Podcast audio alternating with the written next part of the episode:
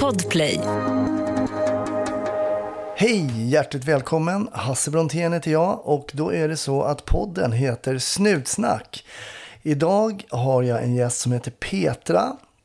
Mycket intressant då vi får reda på en annan väg in i polisyrket som vi kanske inte har hört så många gånger tidigare eller kanske till och med faktiskt aldrig i podden. Så jag hoppas att du tycker att det blir intressant lyssning och lyssna till Petra som för närvarande är polisområdeschef i Malmö. Vi fortsätter givetvis att prata i avsnittet på Patreon. Hur rundar man av tiden som polischef? Det berättar Petra då och vi pratar också lite om de gängproblem som finns i Malmö i Patreon-avsnittet. I övrigt så hittar du oss på Facebook och på Instagram. Vill du bli Patreon så gör du det. Då går du in på patreon.com snutsnack får du avvara en kaffelatte i månaden. Men det kan det vara värt. Det finns mycket bra bonusmaterial där just nu. I övrigt så vill jag bara säga, var försiktig där ute och hoppas att du får en väldigt trevlig lyssning. 1310 1070 kom. 1310 Odengatan kom. Ja, det är uppfattat. Vi tar det. Slut. Bra. Klart slut. Jag säger varmt välkommen till Snutsnack Petra. Tack så mycket. Och vi kör ju ännu en inspelning här över länk som det så snyggt heter. Det innebär att jag alltså helt enkelt spelar in ett telefonsamtal. Men var sitter du någonstans Petra? Jag sitter faktiskt hemma just nu. Aha. Eh, Men eh, i, eh, för jag ska på en privat angelägenhet i eftermiddag. Men annars så sitter jag i Malmö och jobbar på det stora polishuset. Ja, Och eftersom jag var med i Aktuellt igår kväll så var jag inte hemma förrän vid halv elva. Så att det kan bli långa dagar ibland. ja men jag förstår det. Och du ska alldeles få, strax få berätta vad du gör inom polisen såklart. Men om du skulle kunna berätta vem du är och varför du valde banan mot polisen. För du har lite annorlunda ingång än många av mina gäster har haft. Så bara en liten kort bakgrund. Vem är Petra? Mm, jag är då Petra Stenkula och eh, kommer väl egentligen från en familj som har eh, traditionellt eh, ekonomi och, och läraryrke som sin eh, bana så att säga. Mm. Men eh, jag eh, kom väl egentligen in i, i polisen av en slump. Eh, på den tiden eh, när jag blev anställd 92 så var man kanske inte eh, ja, man hittade kanske inte anställda på precis samma sätt som man gör idag. Det var väl inte samma sug att jobba inom polisen och då skulle det vara EM i fotboll och eh, Melodifestivalen hade vi vunnit så att vi skulle ha det arrangerade i Malmö. Och då sökte man extra passkontrollanter. Mm. Eh, och då var det egentligen min eh, bror som sökte jobb men eh, han fick ett annat jobb så då frågade man om inte han kände någon annan som kunde tänka sig att eh, vilja jobba som passkontrollant. Och då hade jag precis kommit hem från Tyskland som barnflicka så att jag eh, eh, gick iväg på intervjuer på den banan var det. Okej, så det är via passkontrollerande egentligen som du fick in foten och liksom lite ny Precis. som myndigheten. Precis. Och då eh, jobbade jag ju en period som passkontrollant men parallellt eh, sökte jag in till eh, universitetet då och utbildade mig egentligen till eh, förskollärare då. Eh, men sen så, och jag jobbade parallellt och utbildade mig eh, samtidigt då och eh, jobbade en period som förskollärare också. Jag var en sån som eh, många strängar på min ly- lyra så att jag jobbar många timmar och när man jobbar i passkontrollen kunde man jobba mycket nätter och helger. Mm. Eh, så att jag, och på den tiden fick man också ha bisysslor på ett helt annat sätt än vad man får idag. Just det. Så att jag, eh, i passkontrollen så blev jag ändå nyfiken på, eh, man ringde ju och eh, fick beslut från eh, polischefer då. Eh, avancerade utlänningsbeslut då helt enkelt. Och det blev jag lite nyfiken på. Vad, vad Tyckte det var du? kul med rättskunskap i skolan och så, så att eh, juridiken tyckte jag var spännande. Vad ringde man om för beslut då som passkontrollant? Vad, är, vad var det polischefen skulle besluta om då? Ja, det var ju avvisningar och eh, den typen av ärende helt enkelt. Att, eh, på den tiden var vi inte med i, eh, i Schengen och ja, vi var väl knappt med i EU då på den tiden så att det var ju bland annat Polenfärjan och Tyskland-fan och, och så som skulle kontrolleras. Ehm, eh, och sen så var det också naturligtvis redan då personer som hade sökt asyl och som skulle då ha verkställighetsbeslut, alltså att man skulle eh, verkställa de besluten som eh, domstolarna på den tiden hade fattat beslut om. Mm. Så ett, lit, ett litet liksom intresse då för polischefens yrke och du väckte liksom gamla rätts... Vad hette det? Rättskunskap? Hette det? Hade man det? Precis. Ja, man hade rättskunskap på, när man gick ekonomisk linje på gymnasiet. Och, eh, men jag, jag fortsatte ändå och började jobba som eh, förskollärare också. Men samtidigt så sökte jag in då till juristlinjen. Ja. Eh, och jag tror inte, det var inte aktuellt för mig med polisskolan då för de stängde polisskolan då i, i eh, mm, den, ja, det sammanhanget, de åren. Eh, så jag sökte i alla fall juristlinjen och kom in på det. Mm. Eh, och började läsa juridik då parallellt med att jag jobbade, fortsatte i passkontrollen. Eh, och eh, sen så var det någon chef som uppmärksammade mig och eh, tyckte att jag skulle söka något ledarprogram som skulle komma. Så, så småningom när jag började närma sig eh, slutet av mina studier så eh, kom jag också med i något ledarprogram. Inom polisen så att säga. Ja, Mm. och eh, ja, då öppnades ytterligare eh, dörrar för att, bli nyfiken på eh, allt jobb som fanns inom polisen. Jag fick vara och praktisera på olika platser inom polisen och jobba med närpolisarbete och annat. Så att, eh, då väcktes ytterligare nyfikenhet. Men jag, jag gick ju jurist eh, utbildning klar och fick ett juristjobb och så småningom ett eh, chefsjobb inom ja, juridik och arkiv och annat Mm. eh, inom polisen. Där. Så det var egentligen den banan jag började innan jag sökte ett eh, rent polischefsuppdrag. Men när du, jag tänker när du började på, um, eh, på juristlinjen, fanns det ändå i bakhuvudet då på något sätt att kanske ändå någonting inom polisen skulle kunna funka med den här utbildningen i botten? Ja, man hade ju stängt, på, förr fanns det ju en polischefsutbildning och den hade man också stängt. Så det var ganska svårt att kunna bli eh, polischef just då. Det var, eh, fanns ingen naturlig väg att bli polischef men det var ändå det jag tyckte var spännande. Men jag öppnade ju ändå tanken för att kunna både jobba som åklagare eller advokat eller, eller i någon annan statlig myndighet. Men eftersom jag är väldigt eh, glad för att skriva och eh, ja, leda människor och så, så lockade ju den där kombinationsrollen mig med polischef att man både fick jobba med juridik och eh, med ledarskap. För jag har alltid varit engagerad i ideella föreningar och så, så att jag, jag är väl den där som har varit lite eh, informell ledare i olika föreningssammanhang och, och liknande och tycker det är roligt att se unga människor växa och eh, få folk att engagera sig och Mm. brinner mycket för de frågorna. Så att därför så, den där kombon av att få Eh, trigga sina eh, kunskaper i juridik och grotta ner sig i vissa saker samtidigt som man då får leda människor. Den, den var spännande. Så det var egentligen det som var mitt mål så att säga. Att bli polischef i då, på den tiden var det utlänningsfrågor då. Mm. Intressant. Då har vi liksom lärt oss någonting. Ja, kanske eh, några av lyssnarna har lärt sig någonting nytt här. Att man kan faktiskt då bli polis, polischef eh, utan att så att säga gå den klassiska polisutbildningen och sen vidareutbilda sig. Utan man kan då utbilda sig till jurist och sen söka sig den vägen och komma in. Men hur, jag tänker då när man kommer in, nu hade ju du en viss erfarenhet av Polismyndigheten i och med att du hade jobbat eh, som passkontrollant. Så du hade där i alla fall en viss kunskap, men Polismyndigheten är en stor myndighet eh, med många arbetsuppgifter. Hur liksom polisiär kände du dig då när du ändå sa, ja men nu har du jobb på Polismyndigheten, du ska sätta på dig polisuniform kanske i vissa skeden. Hur, hur liksom snutig känner man sig när man kommer liksom från, egentligen från juristsidan då, då? Hur kändes det? Jag har väl egentligen alltid känt mig mer eh, som en polisanställd än, än, än som jurist. Men eh, jag har jobbat i uniform he- hela tiden från jag startade då 92. Jag jobbade också parallellt som ordningsvakt och har ju hanterat liksom de närfyllorna på, på krogen och liknande. Eh, för det var många passkontrollanter som liksom, ja man hade inte så bra löner på den tiden heller kanske jag ska säga men det var ju väldigt dåliga löner på den tiden. Och, eh, så man hade ju många jobb parallellt och då hade jag det också vid sidan av.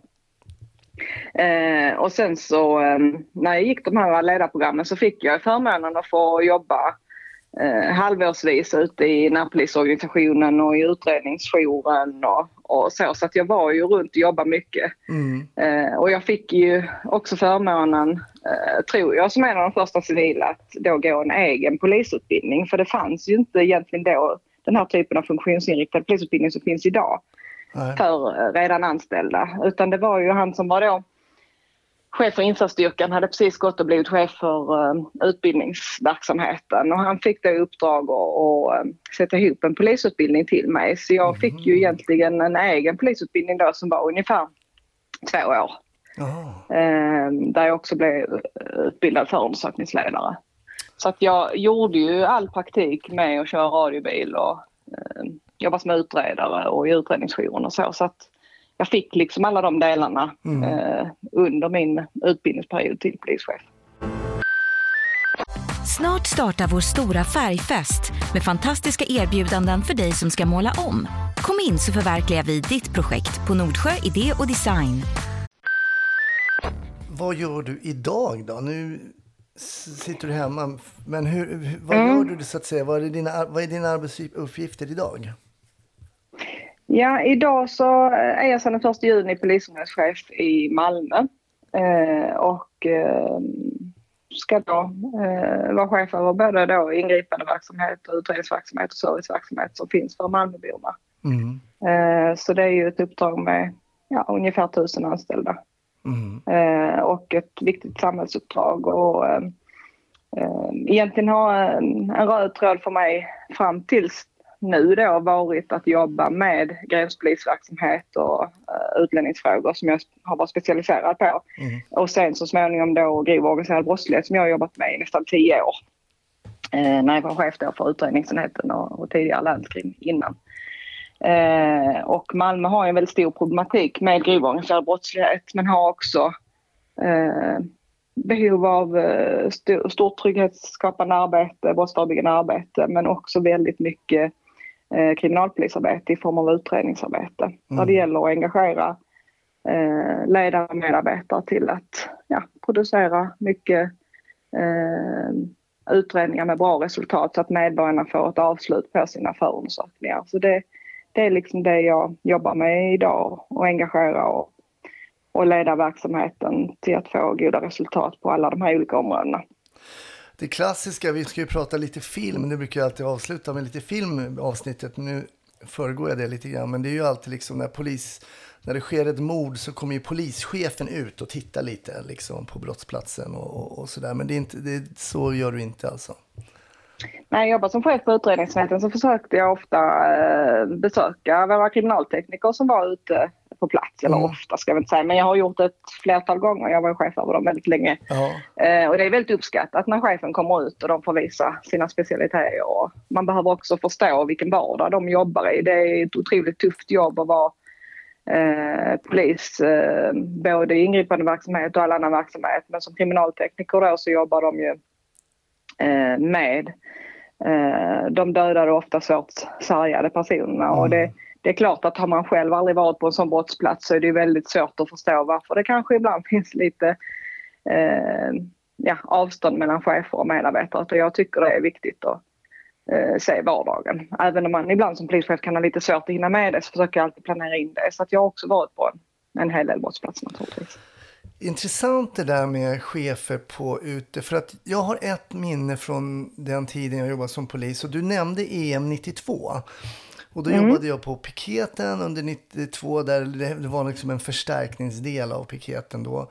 Och då var nu dåvarande ska jag säga rikspolischefen Björn Eriksson Just det. ute på plats. Vi hade gripit folk och han gick runt. Han, ja, han gick runt och klappade oss på axlarna och liksom bra jobbat tjejer och killar och eh, gick runt. Han var ganska peppig kommer jag ihåg.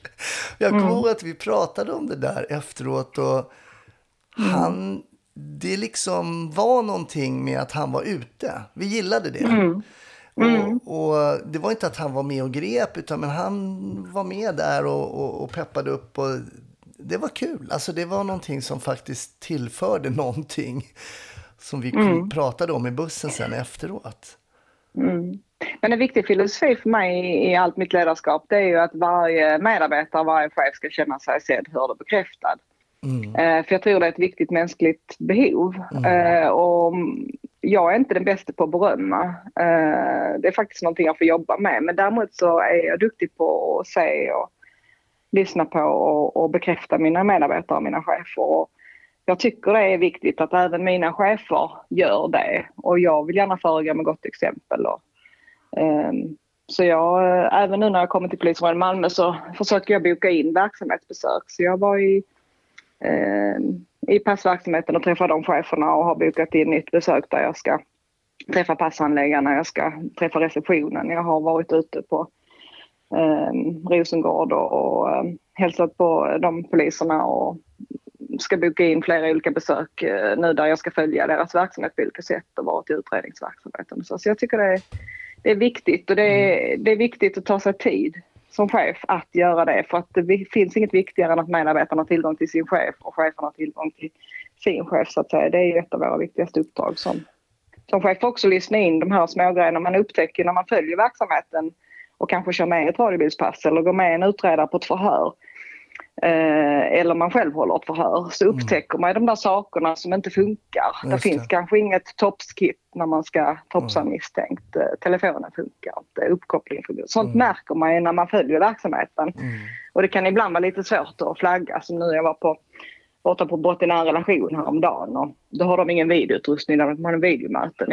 Ja, sånt ser ju inte jag om jag inte är ute. Nej, och ibland kan det vara väldigt lätt för mig att lösa men, men man kanske inte själv tycker att det är så viktigt att lösa men jag ser vilka saker som kan behöva lösas. Jag hade en gäst eh, i podden som heter Björn som jobbar som polis i Berlin. Eh, han eh, har tyska föräldrar, uppvuxen i Sverige men det blev att han sökte sig till polisen i Tyskland. Och jag frågade honom om skillnader eh, mellan då Tyskland som ju inte alls ligger långt ifrån oss och särskilt inte från er i Malmö. Eh, Och han, Tyskland är, men jag är ju själv halvtysk, eh, min mamma är ju tyska, så att jag känner ju till när man har besökt släkt och så här, de är, har ju ett litet mer hierarkiskt tänkt och de niar ju fortfarande varandra till exempel och det skulle aldrig förekomma att man duar en chef och sådana saker. Men han reagerade på, han var på besök nämligen här hos polisen i Sverige när jag pratade med honom, att vanliga poliser hejade och polischefen hejade tillbaks. Alltså bara en sån sak eh, reagerade han starkt på och det tyder ju ändå på att det finns någonting att vi ändå... Jag tror ju personligen att det är väldigt positivt att vi närmar oss varandra. Liksom, cheferna sk- sköter sitt jobb givetvis och alla andra sköter sitt men att man ändå har eh, att det här närmandet är till godo så att säga. Mm. Nej men det tror jag också. Och sen tror jag ibland att eh, jag ser liksom ingen skillnad på mig och mina medarbetare utan vi har ju var och en sitt uppdrag så att säga. Vi ska hjälpas åt för att lösa medborgarnas uppdrag men sen vet jag att det har betydelse vad jag säger och hur jag uppträder och så. För dels ska man ju vara en förebild naturligtvis men det, men det har också betydelse för att eh, så som jag är och så jag är mot mina medmänniskor det, det finns ju större sannolikhet att jag som chef har en påverkan på hur andra är. Så jag tycker det är jätteviktigt att hälsa på personer och jag stannar gärna och pratar en stund med, med både städerskan och eh, hantverkare och annat som är i, i våra polishus. De behöver inte alltid vara anställda av oss utan jag tycker det är viktigt att, att vi liksom finns alla där gemensamt för vårt uppdrag helt enkelt. Mm. Jag tänker, Men jag har varit mycket i Tyskland och samarbetat med tysk polis också. Det är precis som du säger, de har en, ett helt annat upplägg. De har också mycket fler poliser. Eh, Men eh, vårt eh, sätt känns ju möjligen lite annorlunda då. Men jag, men jag tror också att vi kanske som svenskar är lite annorlunda på den punkten. Man niar ju varandra fortfarande mycket även utanför polisen i, i, i Tyskland. Ja. När det är människor man inte känner. Min mamma flyttade tillbaks och eh, jobbade på ett, föret- ett ganska stort eh, företag i Tyskland. Och hon jobbade som chefsekreterare och efter några år så säger då chefen till min mamma så här, ja Ota, nu tycker jag att vi har kommit så långt liksom så här så att du får gärna dua mig. Men då säger min mamma, nej, det tycker jag inte att jag ska göra. Så hon Nej, fortsatte. nej. Så det, liksom, det, det finns liksom inbyggt på något sätt. I, och min mamma då som födde 43, liksom, det här var ett tag sedan då. Det satt, det satt kvar så starkt att man ska absolut inte dua sin chef. Så att, ja, en liten passus. Men jag tänker att eh, som polischef då, polisområdeschef i Malmö, det har ju varit oerhört mycket snack om Malmö och det har varit ett oerhört tryck också medialt, just Malmö, Malmö, Malmö. Man pratar, det är som att man liksom knappt vågar flyga över Malmö så skulle man bli skjuten, liksom, låter det ibland. Men, men eh, hur har det varit liksom att ha det här trycket? Jag menar, eh, medialt, ja, du berättade till exempel att du var på Aktuellt igår. Det kanske vi ska lyssna vad du fick prata om då, för det såg inte jag. Men, men just det här att vara i ett område då där det, det är väldigt omtalat och det är väldigt mycket tryck så att säga utifrån på polisen och kanske framförallt på polischefer i viss del. Eh, hur är det? Mm, det är en del av vardagen att vara eh, under lite mediatryck som polischef. För det har jag egentligen varit oavsett vilket uppdrag jag har haft med gränspolischefsuppdrag eller eh, eh, länskriminalchefsuppdrag eller utredningschefsuppdrag och så nu då polisområde Malmö. Men om man säger Malmö då är ju en storstad som dessutom är en del av en storstadsregion med Köpenhamn. Mm. Eh, Det är en ganska begränsad geografisk yta. Det är ett mångkulturellt samhälle. Eh, Vi har många eh, internationella aktörer eh, i Malmö och Köpenhamnsområdet och även inom Skåne så rör man sig ganska lätt mellan orterna. Och vi har en omfattande narkotikahandel och det är också så att vi har mycket svart verksamhet överhuvudtaget. Få väl de ställena där man liksom kan köpa en falafel för 25 kronor eller gå och klippa sig för 80 kronor och, och så vidare. Så att det finns en svarthandel med både läsk och cigaretter och, och eh, arbetskraft och biltvättar och allt vad det kan vara som vi har fått brottas med en ganska lång tid och få ta olika projekt med företag och med, med kommunen. Vi samarbetar väldigt väl med Malmö stad.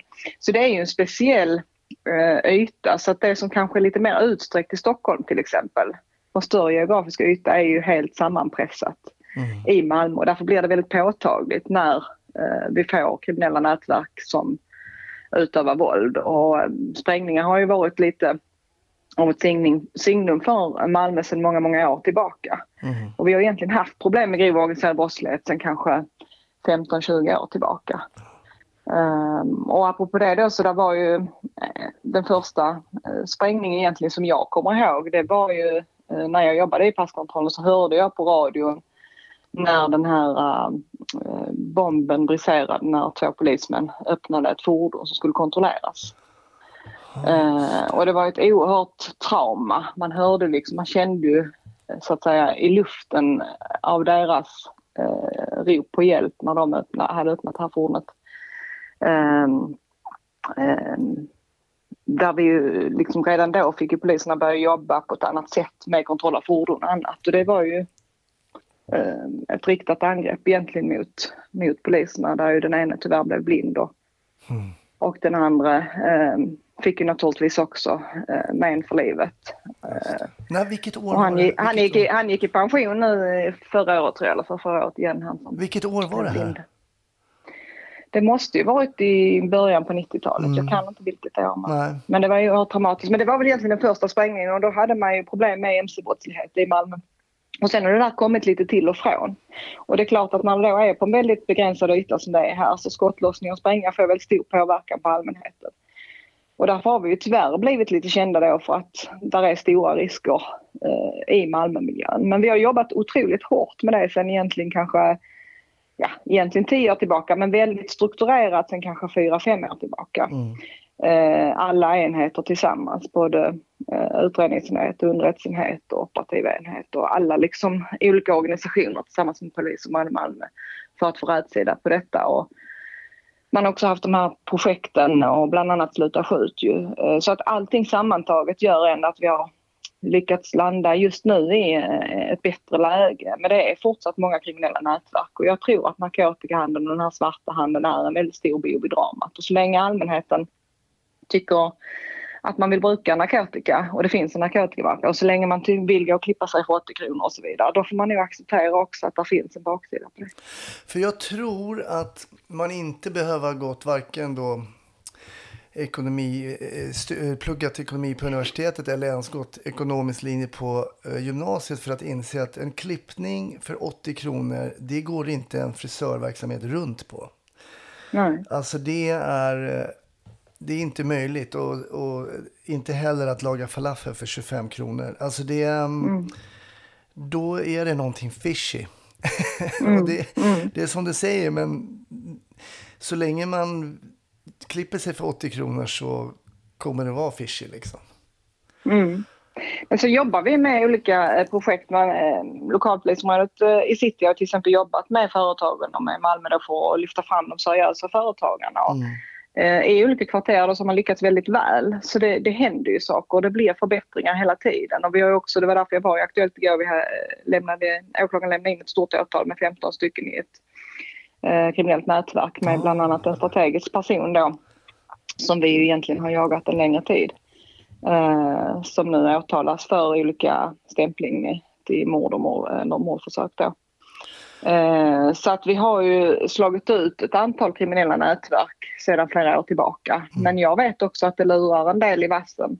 Både som sitter utomlands och styr narkotikaverksamheten i Malmö men som också finns eh, och vill gå lite under radarn därför att när de beger sig in i våldsbrottsligheten då blir de också synliga och deras narkotikamarknad synlig. För vi behöver jobba med hela den liksom, svarta marknaden och narkotikamarknaden då, som ju ofta resulterar då när det blir konflikter så resulterar det i olika våldshandlingar. Då. Vi hade ju till exempel i somras att man sköt in i eh, lägenheter där helt oskyldiga bodde och det är ju förfärligt. Jag var hemma och hälsade på ett äldre par som hade råkat ut för detta i somras så det är ju otroligt trauman och hustrun hade ju fått hjärtproblem och fått åka ambulans. Ja. Det är förfärligt när det inträffar. Och vi, vi, vi märker ju nu, det händer ju nu ibland också och tyvärr oftare kanske att tredje liksom part blir inblandad. Jag tänker spontant på de här två barnen som blev eh, trä, träffade av, eh, av kulor med en skottlossning uppe i Stockholm här. Så du nämnde också Köpenhamn som ju också är en stor stad eh, och era närhet, bara bron liksom över där. Och, Men jag tänker, jag fick nämligen ett, ett mail då eh, till podden här från en kille som jobbar som polis i Köpenhamn. Som jag, f- som jag förstår det så är han ju svensk då kanske med danska föräldrar eller sånt där, och har börjat då som polis. Och han sa, jag är så förvånad över att svensk lagstiftning skil- skiljer sig. För det finns ju till exempel nämnde han då att i Köpenhamn så har de då så här visitationszoner. Eh, vissa personer som vistas i vissa områden där har man rätt att liksom visitera folk. Eh, det skiljer sig. Vi kunde också se exemplet med de här gängkriminella som blev dömda i Köpenhamn. Där man, det var ju de, som kallar sig för Shottaz och Dödspatrullen, där lite Rinkeby-relaterat, som var nere i Köpenhamn och fick ju långa, långa fängelsestraff. Vilket de ju antagligen inte hade fått i Sverige. Det här, två stora städer bredvid varandra och då om man vill vara kriminell så känner man ju kanske vad man skulle välja då lite. Ko- Köpenhamn kontra Malmö. När lagstiftningen skiljer sig så väsentligt. Kan det vara någonting som kan påverka också? Jag tror väl i och för sig att eh, man verkar ju där man huvudsakligen bor. Eh, men vi ser att de verkar ju både över Spanien och, och Danmark och, och eh, hela Sverige. Då. Det finns ju kopplingar mellan Malmö, Stockholm och, och Göteborg. Men jag tror inte egentligen att eh, jag tror inte egentligen de har riktigt koll på straffen heller faktiskt. Okej. Däremot så var det ju så, jag och Stefan Sintéus som tidigare var polisområdeschef i Malmö drev ju väldigt hårt frågan om att vi ville att uh, grovt vapenbrott skulle vara ett minimistraff på två år. Eftersom vi ville att de skulle bli häktade. För vi såg ju väldigt tydligt då för några år sedan att när vi grep en person med ett vapen på sig, skarpt vapen, illegalt vapen, handeldvapen, alltså en pistol eller så. Så om de erkände brottet så eh, gick de ut Wow. direkt efter förhöret. Och det var ju väldigt frustrerande för de hittade ju ett nytt vapen. Vi beslagtog i och för sig vapnet och förverkade det men de kunde gå rakt ut och fortsätta med, med sin brottslighet. Och det var väldigt frustrerande. Och vi har ju fått många förändringar. Det var ju en förändring vi fick så småningom då att de blev automathäktade när man greps med vapen. Men vi har ju drivit många lagstiftningsfrågor och jag tycker det har hänt otroligt mycket sista två åren på lagstiftningsfronten och det finns ju många nya förslag. Det finns ett eh, förslag nu som kom i somras när det gäller rekrytering av unga till exempel. Det tror jag är ett väldigt viktigt Mm. eh, verktyg för att det står hela tiden unga på kö. Vi har utanförskap i Malmö som ju staden jobbar väldigt hårt med men, men det, det, det är utanförskap och, och eh, det är för enkelt för de unga att se upp till eh, grovt kriminella i, i 20, 30, 40 års ålder som har mycket pengar. Och, eh, då blir det liksom jobbigt att välja vägen och jobba på en verkstad eller eh, en fabrik eller vad det nu kan tänkas vara där man får en normal timpenning så att säga och skulle leva på det när man då kan ha det väldigt fett och, och få eh, genom att då leva i kriminaliteten istället. Men det som det innebär är ju ond bråd död för dem för det är väldigt många unga människor som gråter det är väldigt många föräldrar som lider. Mm. Eh, Så vi vill gärna komma åt dem och vi har jobbat väldigt hårt med, med Malmö stad i sommar kring eh, att hjälpa till med underlag för att de ska kunna omhänderta de här ungdomarna. Eh, för att få bort dem ifrån den här miljön. För det blir ju väldigt påtagligt i Malmö där det är en sån liten geografisk yta. Eh, att, och så blir det lätt det där att man kanske lånar pengar eller man har lite spelskulder eller man har nar- narkotikaskulder för att man själv har missbruk och då hamnar man i en beroendeställning till de här grovt kriminella och, och då liksom börjar spiralen på något vis. Och det gäller att bryta, hjälpa dem att bryta den. Mm. Och det, är ju, det har vi nämnt också i, många gånger i podden att det är ju icke bara, det är långt ifrån bara en polisiär fråga det här utan det är ju någonting som många parter måste vara inblandade i. Mm. Sen tror jag att man måste flytta fram positionerna och jobba mer brottsförebyggande. Vi har ju pratat eh, inom polisverksamheten i många, många år. Först var det närpolisreformen och sen så floppade den lite grann därför att vi fick inte tillräckligt med poliser som då kunde verka ute inom närpolisorganisationen. Och den nya organisationen som kom 2015 så skulle vi också satsa på lokala poliser då. Nu börjar vi ju komma ifatt med poliser men då har å andra sidan så att säga brottsligheten rusat iväg och de kriminella nätverken rusat iväg. Bedrägeribrottsligheten har ju ökat med flera hundra procent de senaste åren. Mm. Som ju också är en stor gödkalv till de grovt kriminella för det är otroligt mycket pengar. Det handlar om liksom 50 till 100 miljoner liksom på, på några månader som de får in. Så att eh, då har ju liksom fastän vi nu får nya poliser så har ju då också hela brottsligheten eskalerat och eh, befolkningen har växt med en två miljoner också sista tio åren. Så att Mm. det tar lite tid att jaga ifatt det där och vi kommer nog behöva utöka ytterligare med personal för att verkligen nå fram till den där visionen vi har om att vi ska finnas i lokalsamhället. Och för mindre samhällen så innebär det ju att man kanske har eh, polis i, i närområdet i vart fall ett par dagar i veckan om man finns när, eh, nära när det är ingripande och så vidare. Men för mig handlar det också mycket om att man ska få utrett sina brott i tid. Och på vår lilla yta då så handlar det kanske om att områdespoliser ska finnas Mm. på de små områdena, inne på bostadsområdena i Bellevigården där det då sprängdes i somras till exempel. Då ska de ju finnas där tillgängliga för de tusentals medborgarna som bor där. Det är ju ett, två kvarter där kan vara lika mycket som en hel by utanför staden. Ja, Och det men innebär absolut. att det behövs så många fler områdespoliser där för att man ska få det här sociala närheten. Och vi har ju områdespoliser som är otroligt duktiga på det arbetet men de räcker ju inte till. Nej. Och det, du säger en viktig sak där som jag tror i alla fall är väldigt viktig. Och det är det här med att brotten måste utredas i tid. Att man också, om man begår ett brott och särskilt ett allvarligt brott, du nämner när man blir påträffad med ett skarpladdat vapen, någonting, att det måste ske liksom direkt. Att det kanske behöver någon form av jourdomstolar eller någonting i framtiden. Jag har ingen aning hur man ska lösa det. Men, men att man måste få konsekvenser för sina grova kriminella gärningar och andra måste också se den personen som då begår de här gärningarna försvinner liksom fort från gatan och det är det som händer om jag själv gör liknande saker. Att Vi går in i någonting som heter snabba lagföring i eh, januari här i Malmö. Mm. Och eh, det tror vi väldigt mycket på. Nu rör det sig främst om eh, enklare brott, då, typ narkotikabrott, eh, trafikbrott och olovliga körningar och liknande. Men, men de ska ju igenom väldigt snabbt då genom hela systemet, både åklagare och domstol och alltihopa. Det finns liksom ett snabbspår. Och det, det tror vi väldigt mycket på och det bör ju kunna utökas till fler brott så småningom. Men att utreda tidigt är underskattat. Mm. Därför att det ökar både kvaliteten på utredningarna. Vittnen ställer upp, det ligger i närtid, i minnet. Eh, eh, såret man har så att säga av det man har utsatts för är färskt och man vill liksom ha rättvisa. Om det har gått ett, två år så har man både glömt och, och man har liksom lämnat det bakom sig och gått vidare. Bevisning har gått om det finns eh, filmbevisning eller annat så har det förstörts. Så att, att jobba tidigt, eh, det är ju också viktigt för kvaliteten. Mm, mm, Men sen är det ju också så att precis som du säger med framförallt då ungdomar att en tidig reaktion eller en tidig upptäckt av ett barn som utsätts för våld i hemmet mm.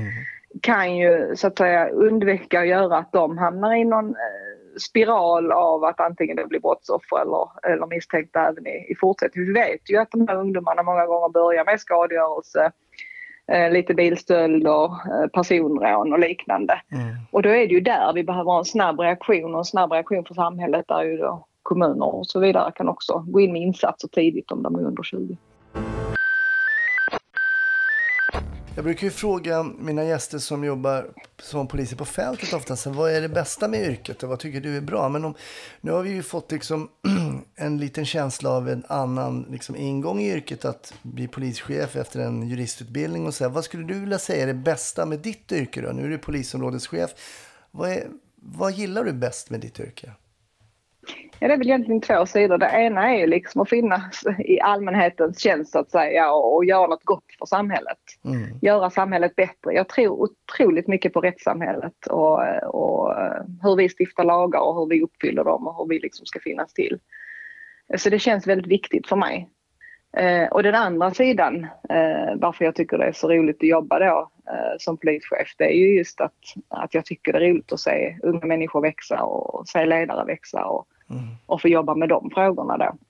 Och det är egentligen samma sak som man kan applicera på eh, områdespolis och liknande, tänker jag, att man där får se ungdomarna växa upp och, Mm. och jobba. Så där är- ligger ju någonting i det att man ser att man gör någonting bra i samhället, att man får se att människor blir sitt bästa jag.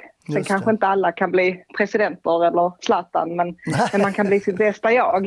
Ja. Och man kan liksom eh, skaffa familj eller skaffa hund eller man kan liksom skaffa lägenhet och man kan liksom få ett ordnat liv Mm. och, och få det rätt så bra. För vi ser också väldigt mycket psykisk ohälsa och det, Mm. det, det gör ont i mig att människor det. mår så dåligt. Zlatan kan ju vara en målbild och så får man vara nöjd då att man kanske kommer halvvägs eller eh, inte ens det då, men, men precis det bästa av, av en själv.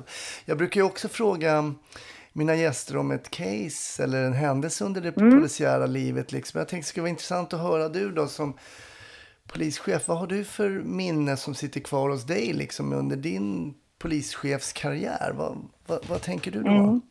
Ett minne från min tidiga karriär var ju när jag tog eh, emot asylsökande, cirka 800 per båt i Ystad från eh, det forna Jugoslavien. Mm.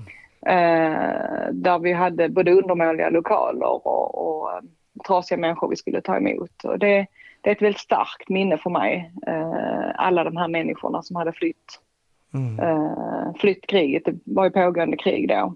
Och sen har jag tänkt på det mycket nu därför att jag också har medarbetare och också chefer hos mig som faktiskt kom då på den Mm. tiden. Just det. Och som nu då är poliser och det är fantastiskt. Ja, det är intressant. Eh, så man vet ju inte om det där lilla fröet av mottaget eller hur man har varit kanske har gett någon litet frö till att man så småningom vill bli polis. Så det är ett väldigt starkt minne. Ja, det kan jag tänka mig. Min svägerska var en av de som kom också. Ja, ja. Mm, så. Eh, och därför är det så viktigt också liksom att man tänker på hur man är i alla sammanhang och alla människor man möter för att det kommer liksom igen. För vi är ett litet samhälle. Mm. Eh, ett annat minne var ju när jag eh, eh, körde radiobil en period, det var väl eh, ungefär ett halvår någonting, så var jag i Malmö på ett ärende eh, tillsammans med några kollegor. Ett vardagsärende där det var en, eh, en kvinna som eh, tänkte hänga sig och hade en, eh, en snara då, vilket tyvärr eh, en del människor har då gjort i ordning för, för det. Men hon hade ju ringt på och hjälpt då. Men vi fick inte komma in utan jag, min, min kollega han stod och var jätteduktig och, och försökte liksom att prata med henne. Eh, det fanns inte så utstuderat med förhandlare i den typen av ärenden då. då. Nej. Men, eh, men han stod och förhandlade i, i minusgrader och pratade med den här kvinnan i flera timmar innan vi lyckades, som lyckades få komma in till henne. Eh, och sen så tog vi med henne till psykakut då. Eh, och där så eh, var de väldigt cyniska tyvärr. Mhm. Eh, och tyckte att hon hade varit där flera gånger och så åkte hon ut igen.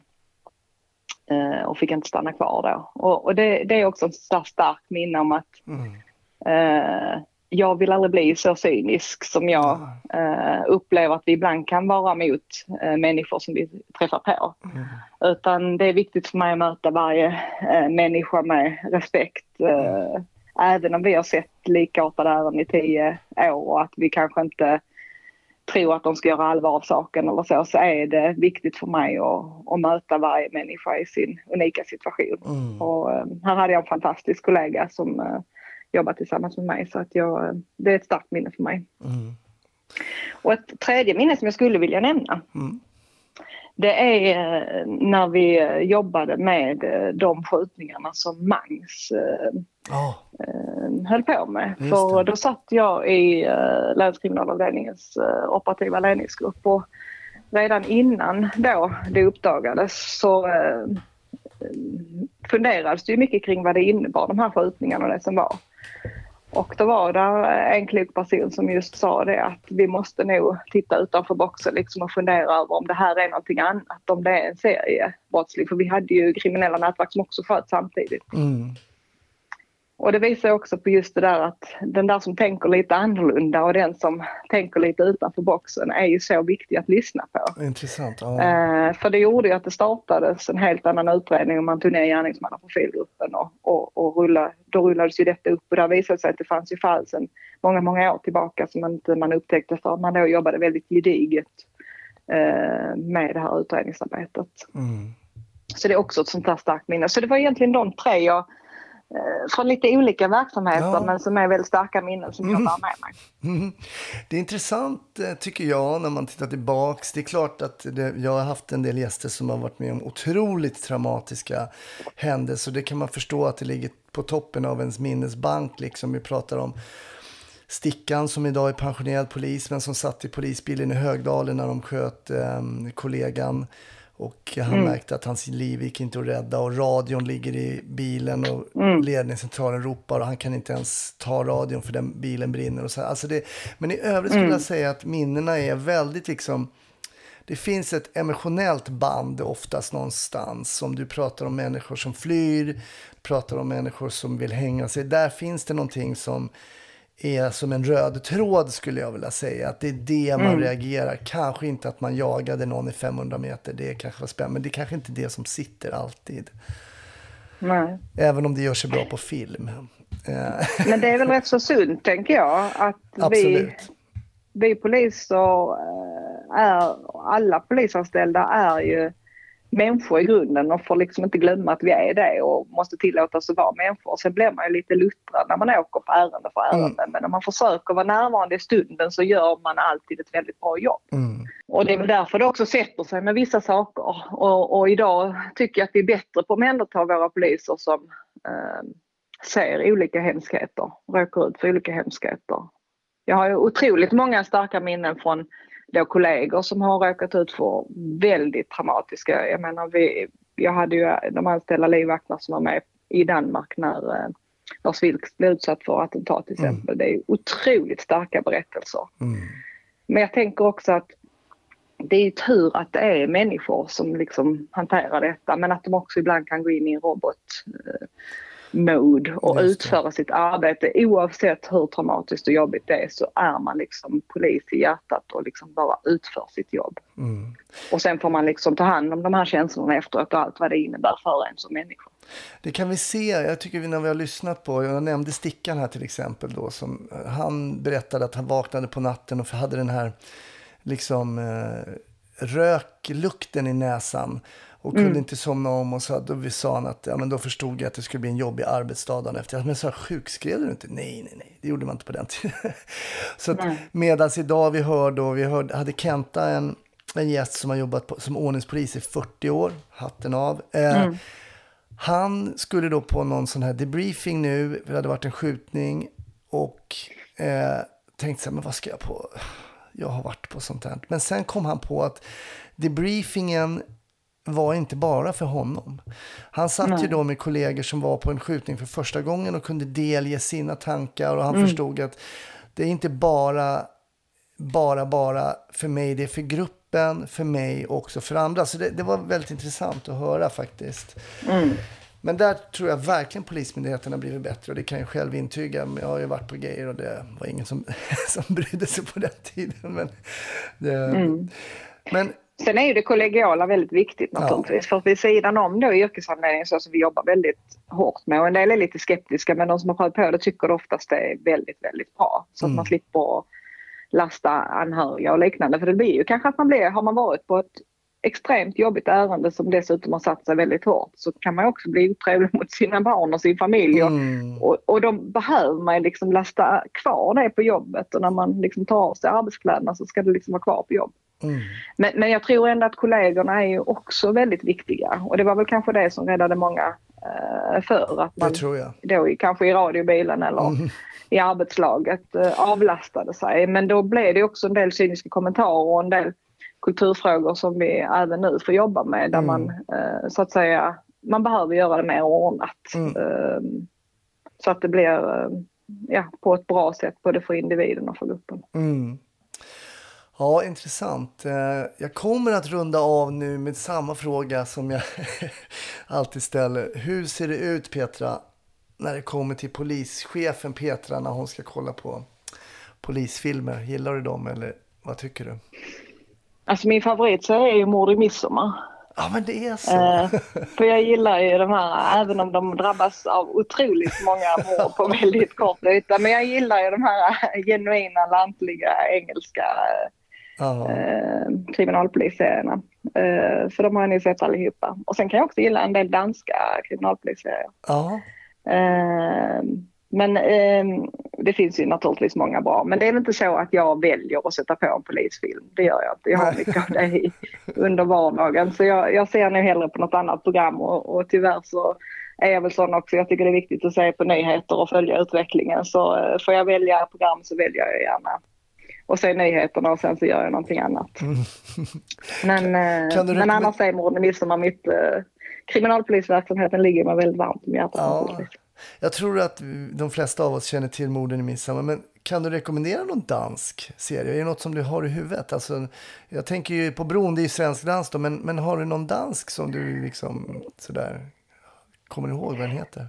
Nej men det är ju de här äh, serierna som har gått, som är om man säger likartade som äh, Mord i midsommar då med, med äh, spaningsmord och liknande som äh, gick för många, många år sedan. Jag, jag har ingen äh, färsk ny i, i det var ju någon som jag tror hette mord, Mordkommissionen eller Mm, mord, just det, det. eh. Reisehållet eller vad de nu hette, jag minns inte riktigt. Men, men äh, där finns ju många, många danska serier som är spännande. Men nu Ja. har jag ju lätt för att förstå danska så att, äh, det är inte alla som har naturligtvis. Nej, jag tror ju längre upp norr vi kommer ju svårare eh, tror jag vi svenskar har att kanske förstå det. Men, det som, men det som en, eh, en nära anhörig till mig sa just var ju att det är fantastiskt att få jobba varje dag med någonting som alla vill se på tv på kvällen. Ja, Och sen så, sen så kanske jag då eh, ja, man ser ju alla de där sakerna som kanske inte är precis som det är i verkligheten. nej. Och, eh, och därför så gillar jag nästan mer de här som är lite mer fiktiva Mm. eh, än de som kanske eh, Försöker försöker vara vara väldigt lika. Ja, Precis. jag förstår. Men det finns ju sådana också som är bra naturligtvis. Det gör det.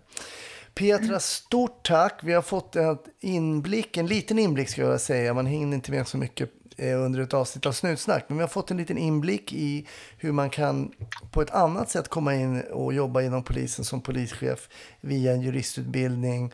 Och idag vara till exempel polisområdeschef i Malmö. Stort tack för att du ville vara med och gästa Snutsnack. Tack så mycket för att jag fick vara med.